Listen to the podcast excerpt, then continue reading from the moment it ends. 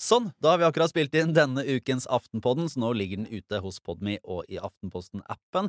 Eh, Vi er litt sånn eh, ørlite satt ut her, fordi Kjetil og jeg kom til å avsløre noe utrolig pinlig om oss selv. Ja, det var faktisk Det var, en, det var et sjokk, det er et sjokkøyeblikk i ukas podkast. Det handler om helt ufattelig manglende evne til å ta inn over seg liksom, populærkulturens fundament i vår tid. Det var vondt, men det var litt godt også. Ja, og, og på en måte fellesskapet i situasjonen var, var positiv. Og så har vi jo hatt eh, Jeg vil bare anbefale si at alle må egentlig få med seg eh, den, eh, en, en gjendiktning som kom inn på tampen av episoden. Eh, Men vi starta jo liksom i litt mer politisk ende, da. Ja. Vi snakket om hvorfor Arbeiderpartiet eh, gjør det så dårlig. Eh, Vi snakket om den sakseierskapsmålingen som Aftenposten har hatt, som faktisk kan gi en veldig god forklaring på det.